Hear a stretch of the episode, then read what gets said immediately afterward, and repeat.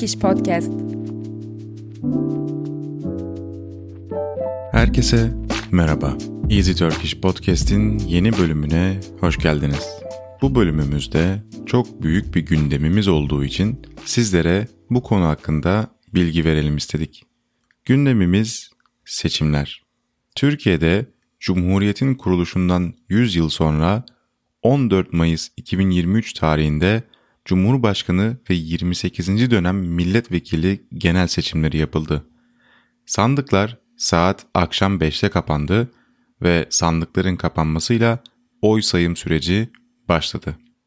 Yüksek Seçim Kurulu Başkanı Ahmet Yener, sandıkların %100'ünün açıldığını duyurdu ve kesin olmayan seçim sonuçlarını açıkladı. Yani bu demek oluyor ki burada verdiğimiz bilgilerin bir kısmı kesinleşmediği için değişiklik gösterebilir. Seçimlerin ilk turda bitip Cumhurbaşkanının belli olması için adaylardan birinin %50'nin üstünde oy alması gerekiyordu.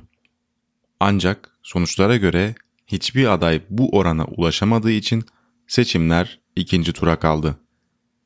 İkinci tur seçimleri ise 28 Mayıs 2023 tarihinde yapılacak. Bu turda ise en yüksek oy olan iki aday yarışacak.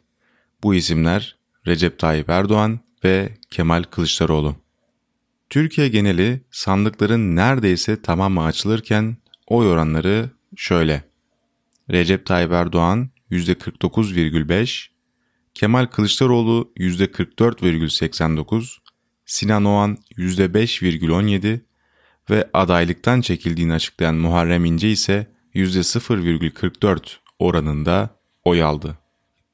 Türkiye geneli kullanılan toplam oy sayısı 55 milyon 761 bin 445 iken seçime katılma oranı %86,87 olarak açıklandı. Bu oran son zamanların en yüksek katılım oranı.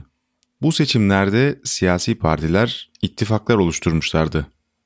Adalet ve Kalkınma Partisi, Milliyetçi Hareket Partisi, Büyük Birlik Partisi ve Yeniden Refah Partisi'nin oluşturduğu Cumhur İttifakı %49,49 oy aldı ve mecliste 322 milletvekili bu ittifakı temsil edecek. Millet İttifakı'nı ise Cumhuriyet Halk Partisi, İyi Parti, Saadet Partisi, Gelecek Partisi, Demokrasi ve Atılım Partisi ile Demokrat Parti oluşturdu. Bu ittifak %35,05 oranında oy aldı ve mecliste 213 koltuk hakkı kazandı. Yeşiller ve Sol Gelecek Partisi ile Türkiye İşçi Partisi Emek ve Özgürlük İttifakı adı altında seçime girdi. Bu ittifak %10,55 oy aldı ve 65 milletvekili mecliste bu ittifakı temsil edecek. Zafer Partisi ve Adalet Partisi Ata İttifakı adı altında seçime girdi. %2,43 oy aldılar ancak meclise milletvekili gönderemediler.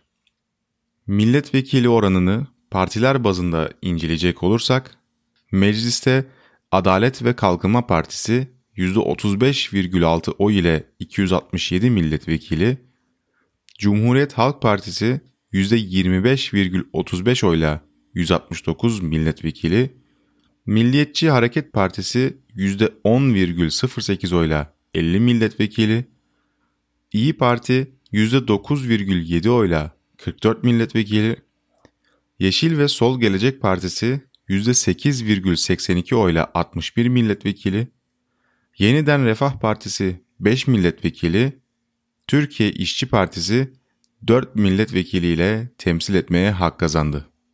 Bu bölümlük bahsedeceklerim bu kadardı. Bundan sonra podcastlerimizde normal akışımıza geri dönmeyi planlıyoruz. Bizi dinlediğiniz için teşekkür ederiz.